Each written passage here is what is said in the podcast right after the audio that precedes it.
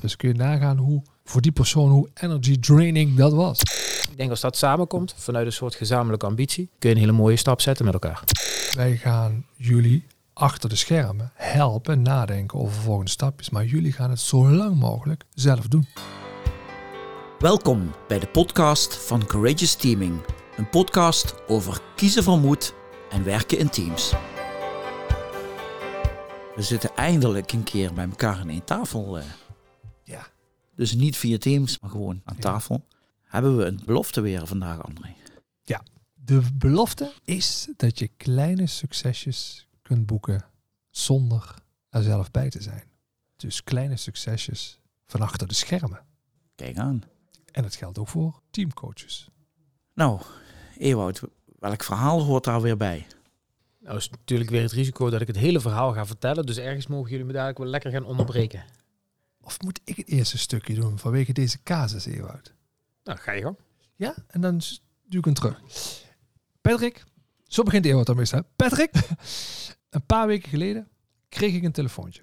Een klant en die zei, ik heb jullie naam gekregen via via. En ik ben de leider van een team en ik heb een issue. En de persoon begint dat uit te leggen en ik dacht, inderdaad, je speelt van alles. Verdeeldheid, verschillende locaties, jarenlang bezig, et cetera. En op het eind, eh, toen zei ik tegen die leider, kun jij aan het team vragen om drie of vier, mag je zelf kiezen wat passend is, mensen kiezen die hun vertegenwoordigen. En dan kom je, kom je met hen naar ons kantoor. En dan gaan we samen een kennismakingsgesprek doen. Zo gezegd, zo gedaan. En toen Ewout. Nou, er komen hier eh, vier mensen aan. In eerste instantie denk ik, eh, eh, dacht ik, goh, wat, wat vriendelijk. En wat, wat verhouden ze zich al goed ten opzichte van elkaar? Nou, door eigenlijk maar eens met ze te gaan praten over, eh, goh, vertel eens even over waar gaat het specifiek, wat is jullie vraagstuk? Ehm, maar ook een beetje een beeld van wie zijn er dan bij betrokken, hè, om, om hoe groot gaat het? En vervolgens de vraag stellen, joh, en wat zien jullie daar nou gebeuren in die samenwerking? En het dan nog wat persoonlijker te maken, kwam er opeens heel veel emotie los bij die groep. En toen viel er iets super interessants op, want eigenlijk de dingen die ze ons vertelden, de patronen die zij in hun groep of in hun team ervoeren, die vonden ter plekke plaats tussen de vier mensen die hier waren uitgenodigd. En dat is natuurlijk ook heel mooi, want dat hoop je doordat je vraagt, laat de groep eens kiezen namens wie ze vertegenwoordigd willen worden. Dan hoop je eigenlijk al dat je alle stemmen een beetje in de ruimte krijgt en dat het ter plekke plaatsvindt. En dat gebeurde daar. En daar konden we ontzettend mooi op inspelen. Van hé, hey, joh, wat gebeurt er nu? En tussen twee mensen. En wat zegt dat nou? Is dat iets wat hier nu plaatsvindt? Of is dat ook iets wat eigenlijk wel een, een goed beeld geeft van hoe het ook werkelijk in jullie team gaat? En nou, dat werd eigenlijk wel heel erg herkend daar. Misschien moet jij nu eens even overnemen hoe, hoe jij toen in dat moment zat. Mag ik een vraag stellen? Want ik, ik merk dat mijn hoofd vol zit met nieuwsgierigheid richting de reden waarom je niet iedereen aan tafel pakt, maar een, een deel van een team. Het was een groot team. En wat ik dus bij die, dat eerste telefoontje merkte is, daar speelt zoveel. Er zit zoveel historie, zo lang. En de gedachte achter laat het team zelf iemand kiezen die hun kan vertegenwoordigen, zit ook een stukje vertrouwen achter. Ik vertrouw het als ik die persoon ga kiezen en dat die wel kan verwoorden wat ik belangrijk vind in dit team en wat ik, wat ik ervaar.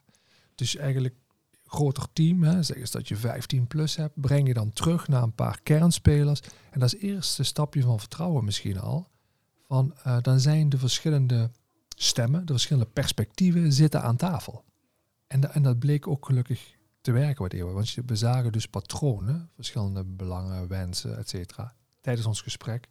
Dus, dus even om dat aan te vullen. eh, d- 17 mensen, daar ging het om, geloof ik, die orde van grootte was het. Hè.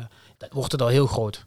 En, wa- en waar wij dan op hopen, en dat pakte dit keer gewoon in mijn ogen geweldig goed uit, is dat door te vragen namens het team, eh, van namens wie wil je vertegenwoordigd worden, dat je eigenlijk al een beetje alle stemmen in de ruimte krijgt. En dat je ook weet, als het ons lukt eigenlijk om die met elkaar in verbinding te brengen en echt tot een gezamenlijke stap te laten zetten, ambities, nou ja, elkaar te laten begrijpen, dat we eigenlijk impliciet ook het team aan het verbinden zijn. Zal ik terugpakken? Wat Ja. gebeurt er bij ons aan tafel? Ik kreeg het zware gevoel van, jeetje, wat hebben ze het zwaar met elkaar. Onbedoeld, zoveel verdeeldheid ontstaan. Hè, dus en dat zich heel concreet in. Dat ze, ze, ze- vroeger, geef eens wat voorbeelden. we komen niet tot een besluit. En als we dan een keer na veel pijn en moeite een besluit hebben, dan houden we ons er niet aan. En dan houden we ons niet aan en dan gaan we over elkaar praten. En niet met elkaar. Dus allemaal van die dingen. Ik dacht, god, dit voelt zwaar. En op een gegeven moment kwam de vraag, wat zou je dan nu heel graag wensen? Als je één aan een klein, klein iets denkt, of je denkt, als dit gaat gebeuren al, dan, dan word ik al wat, wat blijer. En, nog, en hier, dit team had al teamcoaching achter de rug, persoonlijke coaching. Dus daar was al heel wat aan, zeg maar, eh, ondersteuning, begeleiding, hulpverlening geweest.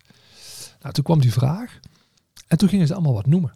Wat hij mogelijk kon doen om het team een stapje verder te helpen.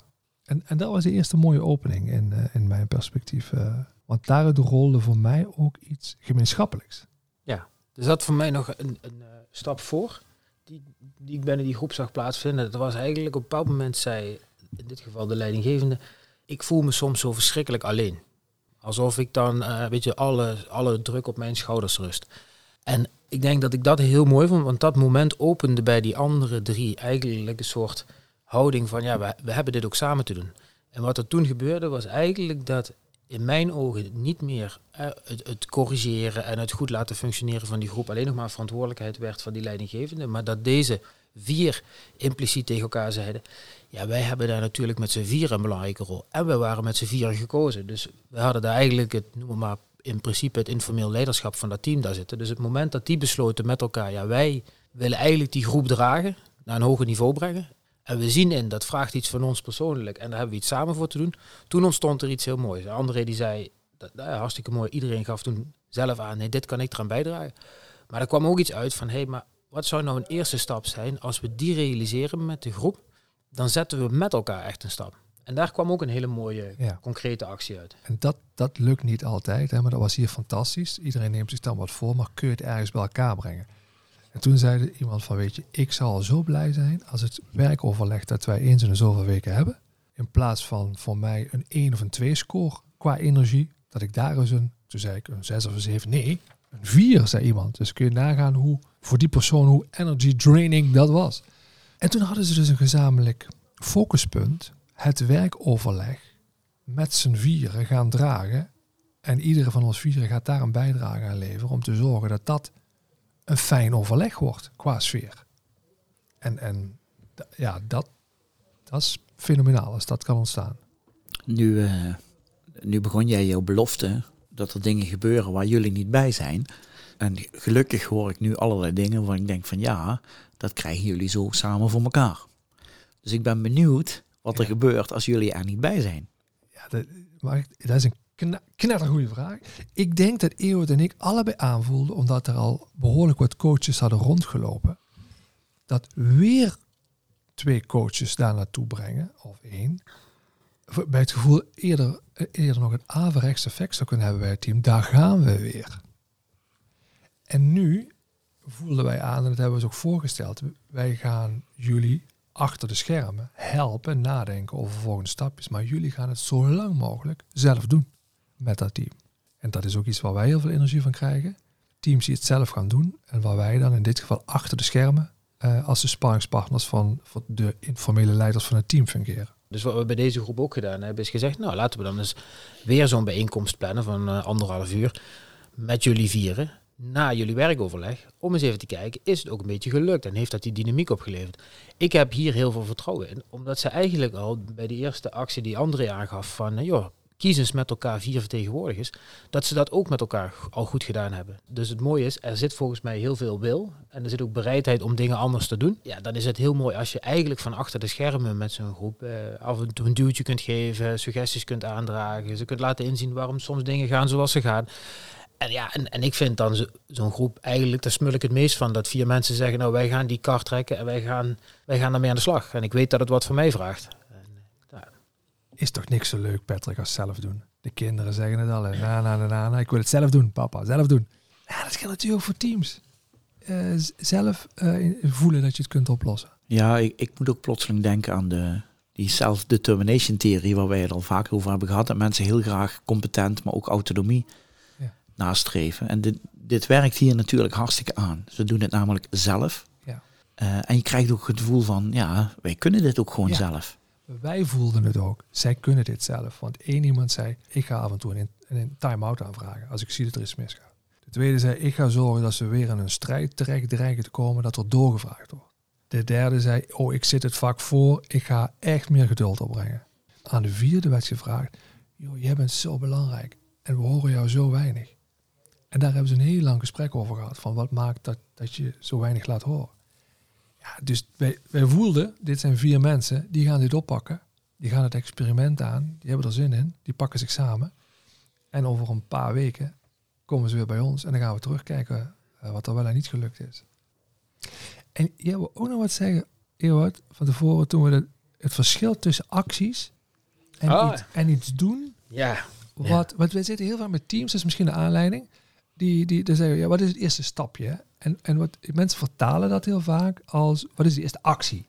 Een actie in de zin van, oh, dan ga ik even nog eh, de business wat verder onderzoeken, zodat ik met de juiste feiten kom om een beslissing te kunnen nemen. Dat, dat, dat, zijn, heel, dat zijn de beelden waar mensen dan in denken. Terwijl wij ook heel vaak met een actie iets anders bedoelen. ja. Goh, dan komt er aan het eind nog even een heel moeilijk verhaal waarvan ik hoop dat we dat in een notendop kunnen samenvatten.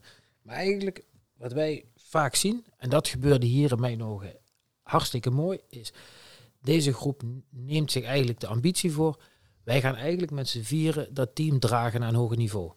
Die komen tot de conclusie, de concrete actie die als eerste laat zien dat we daar een stapje in gezet hebben, is als wij met elkaar dat werk overleggen en een andere energie en een andere dynamiek met elkaar weten te realiseren. En vervolgens denkt iedereen na, en wat vraagt dat nou in gedrag van mij? Waarbij je bij dat rondje komt wat André net zegt, dat de een zegt van nou, als ik normaal gesproken gewend ben, eh, van spreken, achterover te gaan hangen, omdat ik denk, waar gaat het nog over? Ga ik nu instappen? En de ander die zegt, eh, het moment dat ik normaal gesproken gewend ben om eh, misschien met mijn vuist op tafel te slaan, te zeggen, nou, als niemand beslist, dan doe ik het, maar we doen het nu zo, ga ik net even wat anders doen. Dat zijn gedragsintenties om die dynamiek te realiseren. En dat vind ik zo mooi, omdat mensen, om daar bewust van te maken, dat je, je kunt concrete acties met elkaar spreken, hartstikke belangrijk, want eigenlijk toets je daar of het lukt. En je kunt je echt gedragsintenties voornemen, dat je in momenten als die zich voordoen net even wat anders gaat doen. Ik denk als dat samenkomt, vanuit een soort gezamenlijke ambitie, ja, dan heb je een, kun je een hele mooie stap zetten met elkaar. En van dat laatste zouden wij meer willen, omdat het eerste vaak natuurlijker voor de hand ligt. Voor de mensen in de business waarmee wij samenwerken of in de organisatie. Denken in acties die bijdragen aan de inhoud. Maar gedragsintenties voornemen en die uitvoeren, dat zou een mooie aanvulling zijn. Als we denken in stapjes. Ja, mooi. Mooi verhaal. Ja. Worden wij blij van, Ewout? Zo is het. Ga voor meer informatie over Courageous Teaming en het werk van Ewout en André naar www.courageousteaming.com.